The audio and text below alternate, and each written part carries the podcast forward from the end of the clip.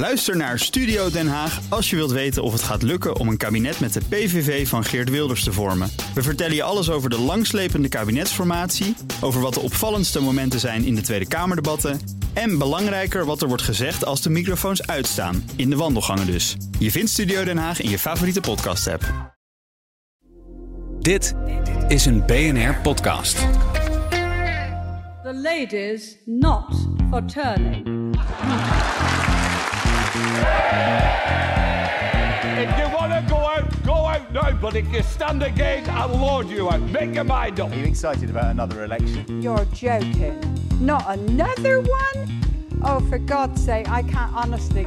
Je luistert naar Van Beckhovens Britten, een podcast over de opmerkelijkste ontwikkelingen in het Verenigd Koninkrijk. Met in Londen Lia van Beckhoven. Ik ben Connor Klerks bij BNR in Amsterdam. Dag Lia. Hallo Connor.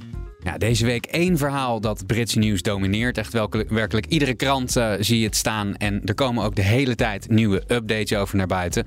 Het wordt een van de grootste gerechtelijke dwalingen in het VK ooit genoemd. En op een bepaalde manier is het uh, wel te vergelijken met het toeslagenschandaal in Nederland. Het gaat over de Post Office Scandal, het postkantoren-schandaal.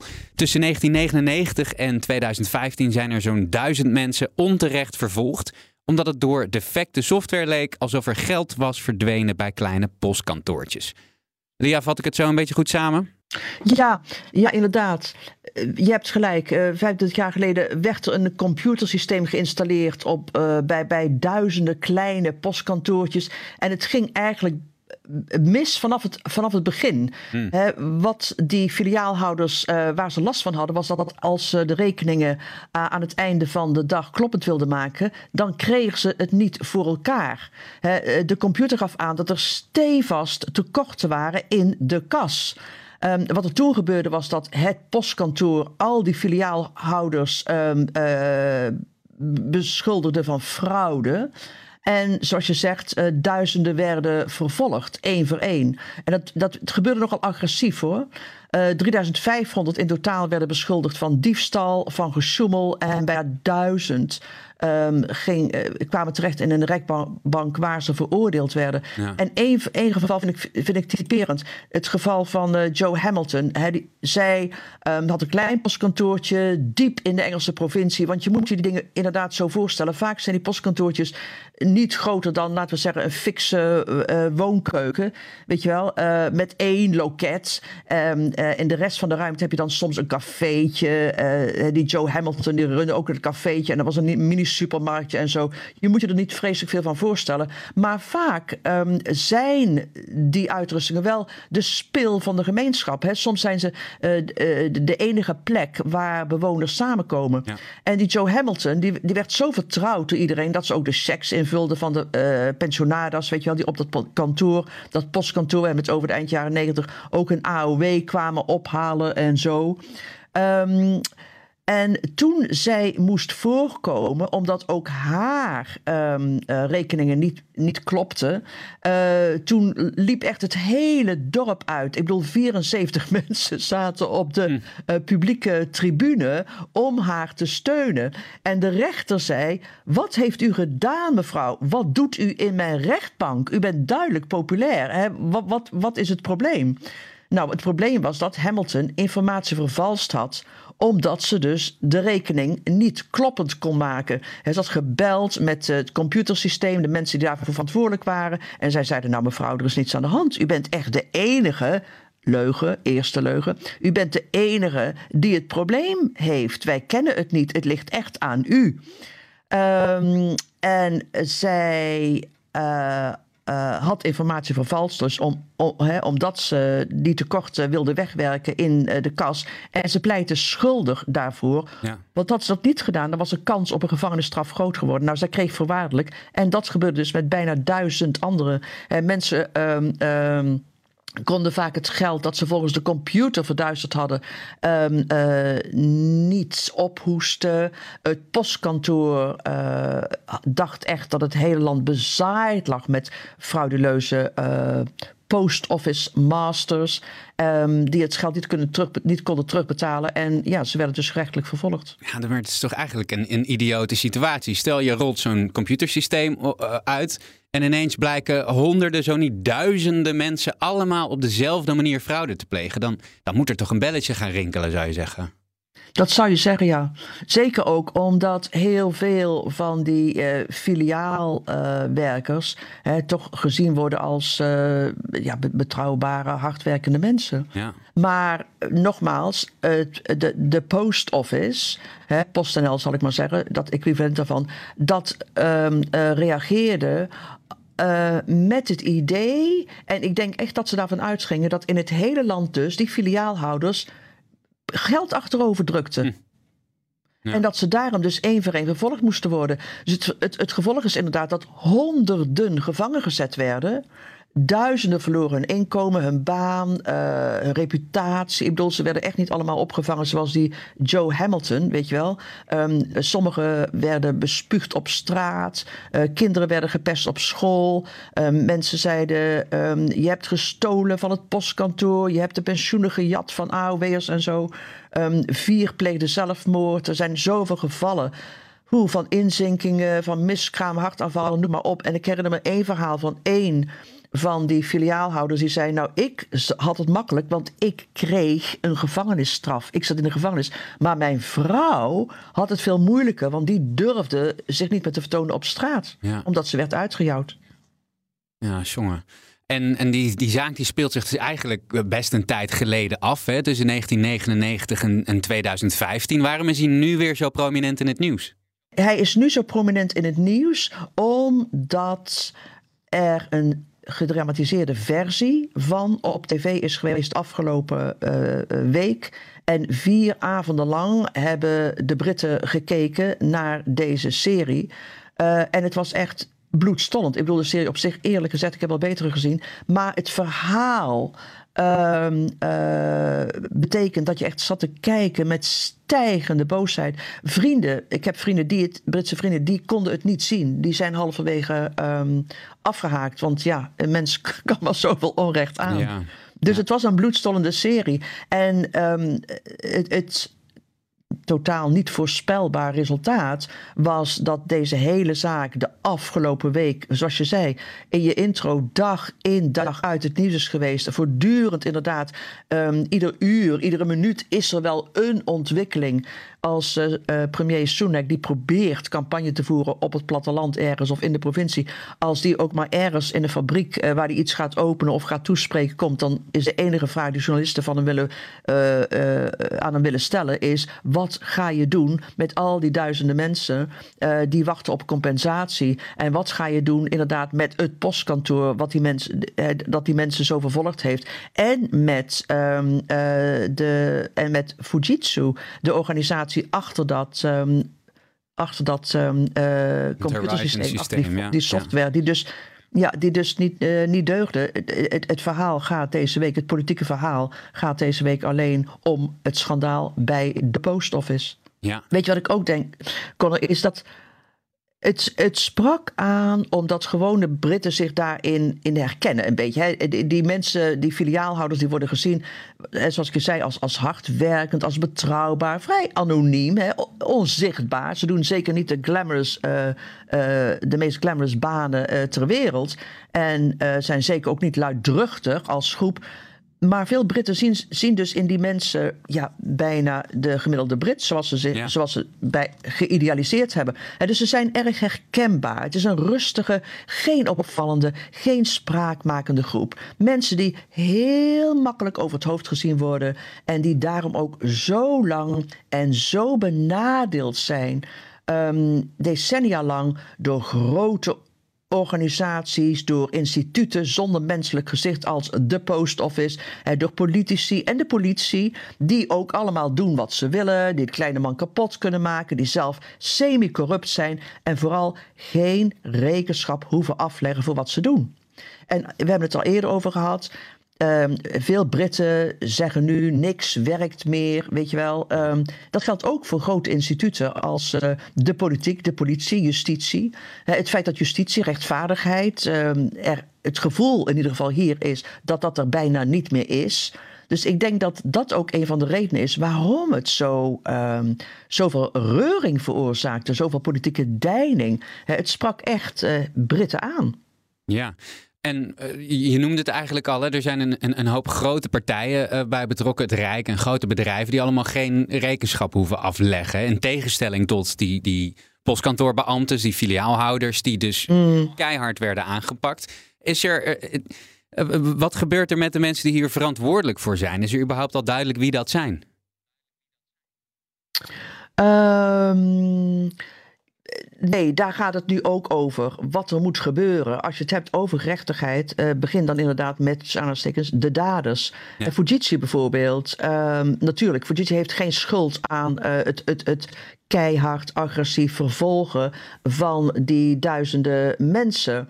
Uh, wel mogelijk kun je dat bedrijf betichten van medeplichtigheid. Mm, ja. Want Fujitsu heeft heel lang ontkend dat ze werkte met een softwaresysteem dat problematisch was. Terwijl ze wist dat het onbetrouwbaar was. En hetzelfde geldt, en dat is de grote dader, het postkantoor.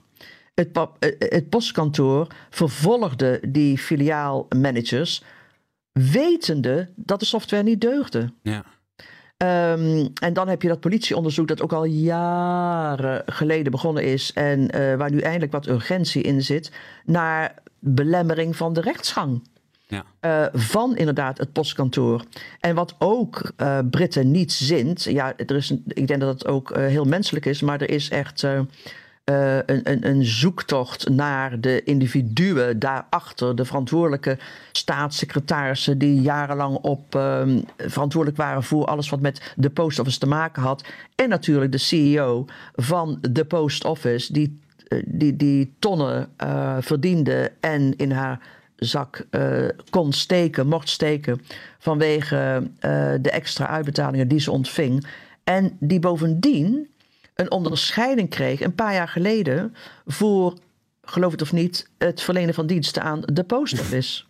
Ja. Dus je begrijpt, afgelopen dagen is er een handtekeningcampagne gestart. Die inmiddels uh, ruim een miljoen handtekeningen verzameld heeft. Van mensen die vinden dat deze Paula Vennels de onderscheiding moet teruggeven.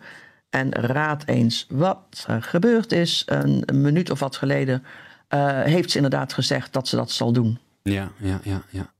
En die filiaalhouders, hè, die, die hebben jarenlang uh, onder druk gestaan. Wanneer kwam voor hun een keerpunt? Um, ik denk dat er een paar keerpunten waren. Het eerste keerpunt was uh, toen de hoofdpersoon van deze uh, serie, uitgezonden op ITV, dus jullie kunnen het zien, trouwens, een commerciële zender. De serie die heet uh, Mr. Bates versus The Post Office. Nou, Mr. Bates um, was een van de eerste die um, dacht dat er een probleem was, die het software niet vertrouwde. En die zijn kleine postkantoortje in, dit nou in Wales, pas een paar jaar, want hij had er al zijn uh, spaargeld ingestoken, uh, runde en meteen aan de bel trok over kastenkorten en zo. En, en, en hij dacht fout ontdekt te hebben. En werd daarom, denkt hij, meteen ontslagen. Ah. En sindsdien, 25 jaar lang, is hij de leider geweest van de, van de gedupeerden. en dat denk ik was een keerpunt, omdat voor het eerst duidelijk werd, toen hij zich in de zaak begon te, verdiepen, dat hij niet de enige was. Dat er in het hele land mensen dezelfde problemen hadden. Dus deze hele kalme, uh, nauwkeurige, vasthoudende man. Um, voor wie deze campagne een obsessie geworden is de afgelopen 25 jaar. Dat was één keerpunt voor heel veel mensen. Een ander keerpunt kwam 20 jaar later, in 2019, toen een hoge rechtshof eindelijk um, 93 mensen vrijsprak. Dus de veroordelingen voor die 93 werden in één keer teniet gedaan. Nou, bijna tegelijkertijd startte het parlement enquête op. Uh, terwijl ze tegelijkertijd, terwijl ze wisten dus dat het niet deugde, uh, ze ook de CEO uh, die onderscheiding gaven. Mm, yeah. Maar nogmaals, het, het grootste keerpunt. oh ja, het parlement startte een enquête, ik geloof twee jaar geleden. Um, waarvan, want het gaat allemaal heel langzaam hier. Alles gaat langzaam hier. Waarvan het resultaat waarschijnlijk pas eind volgend jaar bekend wordt. Maar het nogmaals, het grootste keerpunt was toch de serie vorige week. Ja, ik zag ook beelden van um, verhoren in het Lagerhuis vorig jaar. Toen uh, was de zaal zo goed als leeg. En verhoren van deze week na die ja. documentaire, waarbij het hele Lagerhuis zo goed als vol zit. Dus je ziet dan toch dat zo'n zo'n documentaire toch veel, veel in beweging krijgt. Precies, want het is ook niet zo alsof er nooit iets gebeurd is. Alsof iedereen dit schandaal genegeerd heeft. Dat is niet het geval. er, er, is, uh, Computer Weekly was het eerste blad. Dat, dat trok ook heel lang aan hoor. Uh, het heeft ook heel lang geduurd voordat ze een research rond hadden. En konden zeggen, enkele jaren nadat dus meneer Bates aan de bel trok. Het is inderdaad het computersysteem. Uh, daarna had je, regel, je hebt het satirisch blad hier, Private Eye, die, uh, een van de weinige bladen die nog echt diepgaand research doet in dit soort mogelijke uh, juridische dwalingen en andere schandalen.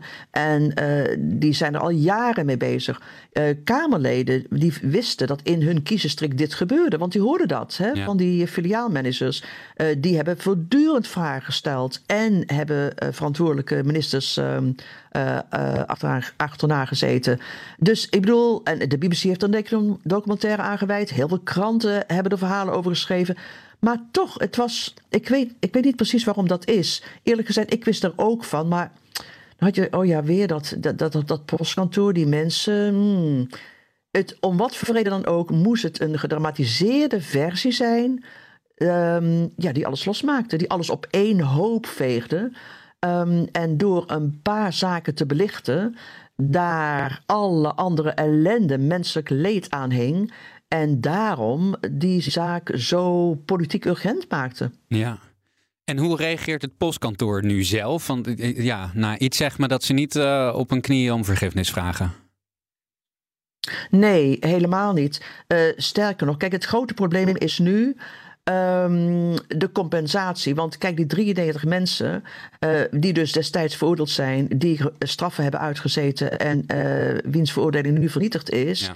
die vanwege die vernietiging hebben nu recht op compensatie. Um, dat, gaat, dat is weer een ander proces. Dat gaat ook heel langzaam. Maar wat het postkantoor betreft, het postkantoor um, verdedigt zich niet alleen, maar probeert die uh, cassaties onmogelijk te maken. Dus die gaat zo agressief tekeer in de rechtbank. Die vecht al die zaken op vrijspraak aan. Dat is ongelooflijk. Nou, politie zeggen, dit kan niet meer. Dit kan echt niet. Uh, niet alleen moet het postkantoor ophouden die mensen te vervolgen. Tussen twee haakjes, weet je, een klein weetje. Het postkantoor is door Charles I in 1635 opgericht... en heeft het recht als rechtbank te functioneren en mensen aan te klagen. Hm. Dat, uh, precies. Uh, interessant, pikant detail. Nou, dat recht moet het postkantoor, de postoffice ontnomen worden. Daar is iedereen het nu over eens. Zoals altijd duurt het 450 jaar voordat men daarvan overtuigd is van dit soort dingen. En zo'n schandaal is daarvoor nodig. Maar nu denkt dus iedereen: nee, dat kan gewoon niet meer. Dat deugt niet. Dus dat gaat ook ophouden. En verder, ja, uh, zijn er nu wordt er nu nagedacht over een wetsvoorstel om al die vele honderden filiaalmanagers in één klap vrij te spreken. Om dus hun eerdere veroordeling uh, nietig te verklaren. Ja. Zonder dat ze één voor één dit in een rechtszaak moeten aanvechten. En waar komt dat geld dan vandaan? Moet het, het postkantoor dat dan ophoesten? Want dat is de facto ook belastinggeld. Nou, er zijn drie. Ja, het is ingewikkeld. Er zijn uh, drie verschillende manieren waarop je uh, compensatie kan vragen. Uh, duizenden mensen, 3000 geloof ik, mensen zijn gecompenseerd. Maar heel veel van het geld is opgegaan aan juristen. Um, dus er moet. En, en ook interessant is dat ik geloof het postkantoor zelf had, um, ik geloof, zeven uh, eh, 100 miljoen, miljoenen, honderden miljoenen in ieder geval opzij gezet uh, voor compensatie. Maar weet je, heel veel mensen hebben niet om compensatie gevraagd en hebben dat nu nog niet gedaan. Want dan moeten ze nogmaals eerst um, uh, door een ingewikkeld proces. En ze vertrouwen het niet meer. Ja. Ze hebben het te lang meegemaakt. Ze zijn um, tenminste 60 mensen zijn overleden voordat he, recht kon geschieden. En de families denken dat zij het recht niet hebben op compensatie, wat ook vaak terecht is. Um, maar ze vertrouwen het systeem niet meer. En ze willen ook niet meer terug naar wat ze twintig jaar lang hebben meegemaakt. Ze willen door met hun leven. Dus wat het postkantoor aan de kant had gezet, uh, opzij had gezet voor uh, genoegdoening, voor uitkering, dat bedrag is nu gehalveerd.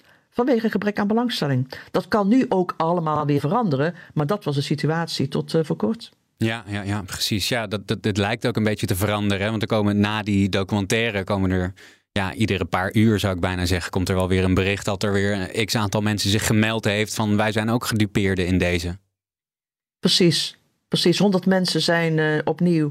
Uh, hebben zich gemeld bij advocaten met juristen die dus uh, heel lang al met deze zaak bezig zijn. Ehm, om compensatie. Nu ze denken dat het veel makkelijker kan. Um, zijn ze veel meer geïnteresseerd dan toen ze dachten dat, ze, dat het weer een procedure van jaar zou gaan worden. Ja. Er is trouwens wel um, één uh, uh, happy ending. Um, en dat is voor die Alan Bates en, en zijn vrouw. Uh, in een interview, ik geloof met de Sunday Times, ja, zei hij op het laatst, nou, waar hij echt behoefte aan had, zei hij, was een vakantie. En hij zegt, als Richard Branson het leest, ik wil graag ergens heen met mijn vrouw, want ik, ik ben na 25 jaar ben ik wel moe. En natuurlijk las Branson dat of hoorde het via via. En hij heeft nu uh, uh, meneer en mevrouw Bates uh, twee retourtjes eerste klas uh, aangeboden naar een bestemming van keuze. En een vakantie op dat zijn privé-eiland Neckerman. Niet slecht. Nou, een mooi, mooi goed nieuws dan voor meneer Bates na 25 jaar hard werken. Precies. Zometeen gaan we het hebben over Prins Andrew, die opnieuw opduikt in documenten rond de zaak van de overleden zedendelinquent Jeffrey Epstein. Nu eerst een korte break.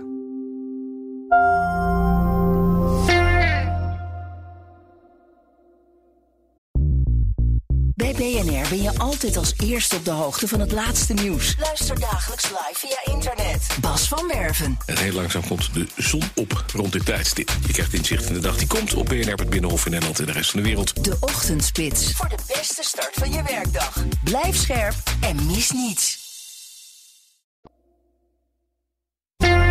De naam van Prins Andrew duikt opnieuw op in documenten die te maken hebben met de overleden miljardair en zedendelinquent Jeffrey Epstein. Die documenten die zijn door een rechter in de VS vrijgegeven in een zaak tegen de handlanger van Epstein, Ghislaine Maxwell. Lia, uh, zijn er nieuwe onthullingen over Andrew of is het meer van wat we nou, al wisten? Nee, nee. Uh, kijk, Andrew was inderdaad goed bevriend met deze uh, zedendelinquent deze Jeffrey Epstein. Maar ik wou het nog even met je over hebben, uh, Connor, omdat toen ik zag dat die documenten, inderdaad, er staat op zich niks nieuws in, niets wat we, nog, wat we niet wisten, um, bekend gemaakt werden weer en het ging weer allemaal over tafel, dan dacht ik, ineens, dit gaat gewoon nooit over. Mm, dit ja. houdt nooit op voor Andrew. Dit gaat nooit voorbij. Bedoel, dit houdt nooit op voor Andrew. Kijk, Andrew zelf hoopt, um, uh, hij is de enige hoor, maar hij hoopt op eerherstel. En je weet dat zijn moeder uh, miljoenen betaalde aan een vrouw die Andrew beschuldigde van een seksmisdrijf via Jeffrey Epstein. Nou, hij zei dus dat hij dat seksmisdrijf niet beging. Hij houdt vol dat hij onschuldig is. Maar goed, heeft wel uh, miljoenen betaald om haar af te kopen. Maar ik bedoel, ik bedoel dat eerstel, dat gaat gewoon niet gebeuren. Nooit niet. En Andrew is een, een, laten we zeggen, een vrij merkwaardige man met heel weinig inlevingsvermogen. En des te meer superioriteitsgevoel. En dus die dubieuze vriendschappen met mensen als die Jeffrey Epstein. Ja. En het publiek blijft eraan herinnerd worden. Want zijn interview, weet je nog, destijds aan de BBC, hè, dat, dat, dat leidde tot zijn verbanning uit het publieke leven. En waarin hij duidelijk maakte dat hij helemaal niets met Epstein te maken had.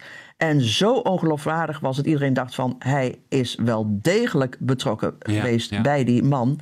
Nou, dat hele interview, daar is nu een gedramatiseerde, een gedramatiseerde versie van gemaakt. Dus dat uh, gaat het hele verhaal weer uh, oprakelen. Ja. En bovendien, kijk, hij is uh, inderdaad weg uit het publieke leven. Maar je ziet hem nog wel regelmatig opduiken. He, zijn broer Charles, die blijft hem maar betrekken in allerlei familiegebeurtenissen. Een gang naar de kerk. En fotografen maken daar weer graag gebruik van. He, maar het publiek wil hem gewoon niet meer zien. Nooit meer. En zou je dit niet helemaal zeker weten, denk ik dan kun je terecht bij uh, de jongste peiling. die laat zien dat de royals uh, in heel lang niet zo impopulair geweest zijn als nu. Ze zijn echt irrelevant, uh, veel meer irrelevant geworden ja. sinds de dood van de Queen. Um, de steun voor de monarchie, volgens deze peiling, is 48 procent.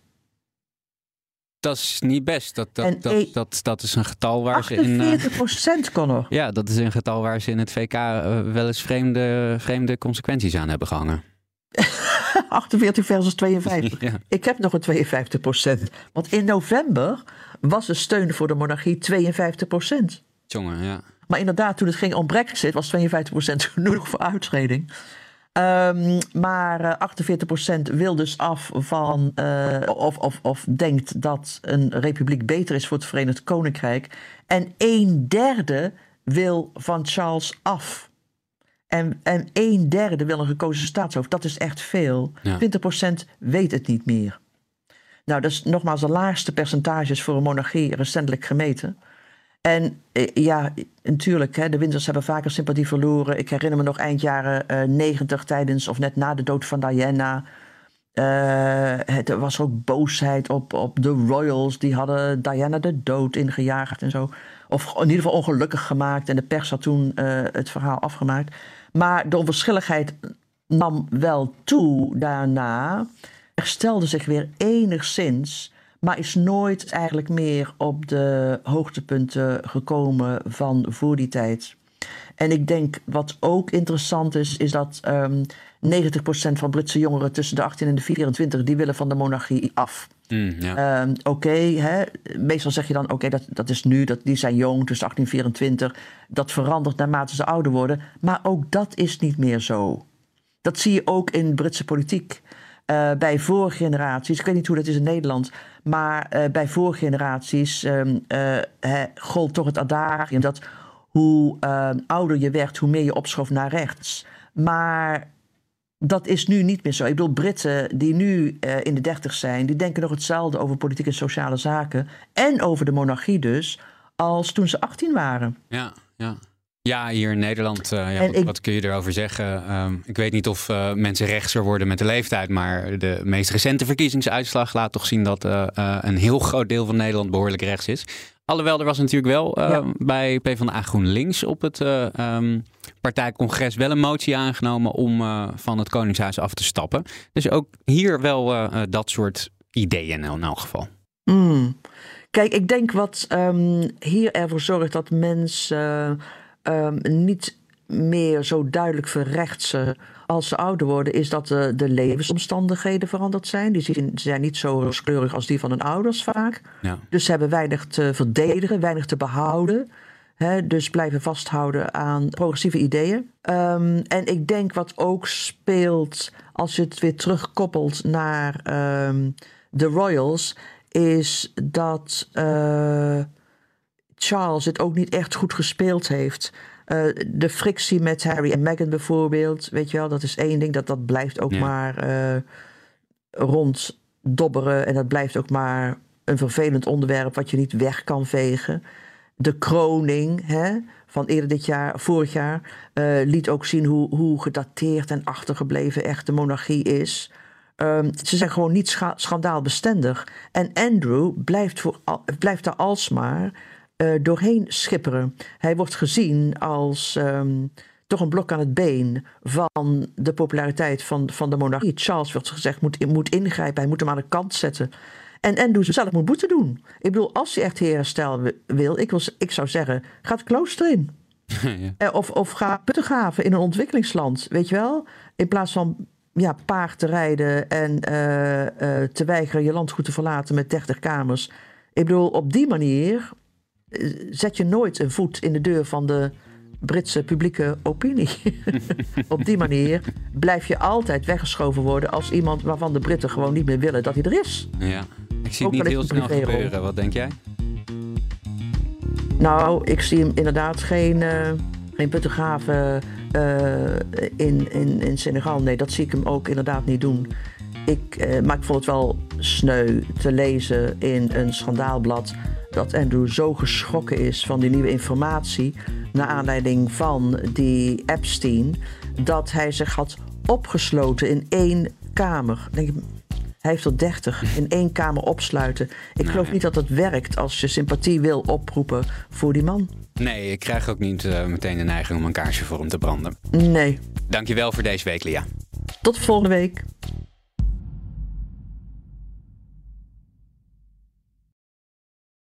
Ook Diana Matroos vind je in de BNR-app. Ja, inderdaad. Je kunt live naar mij luisteren tijdens de Big Five. Ook handig in de BNR-app. Breaking nieuwsmeldingen, maar ook het allerlaatste zakelijke nieuws.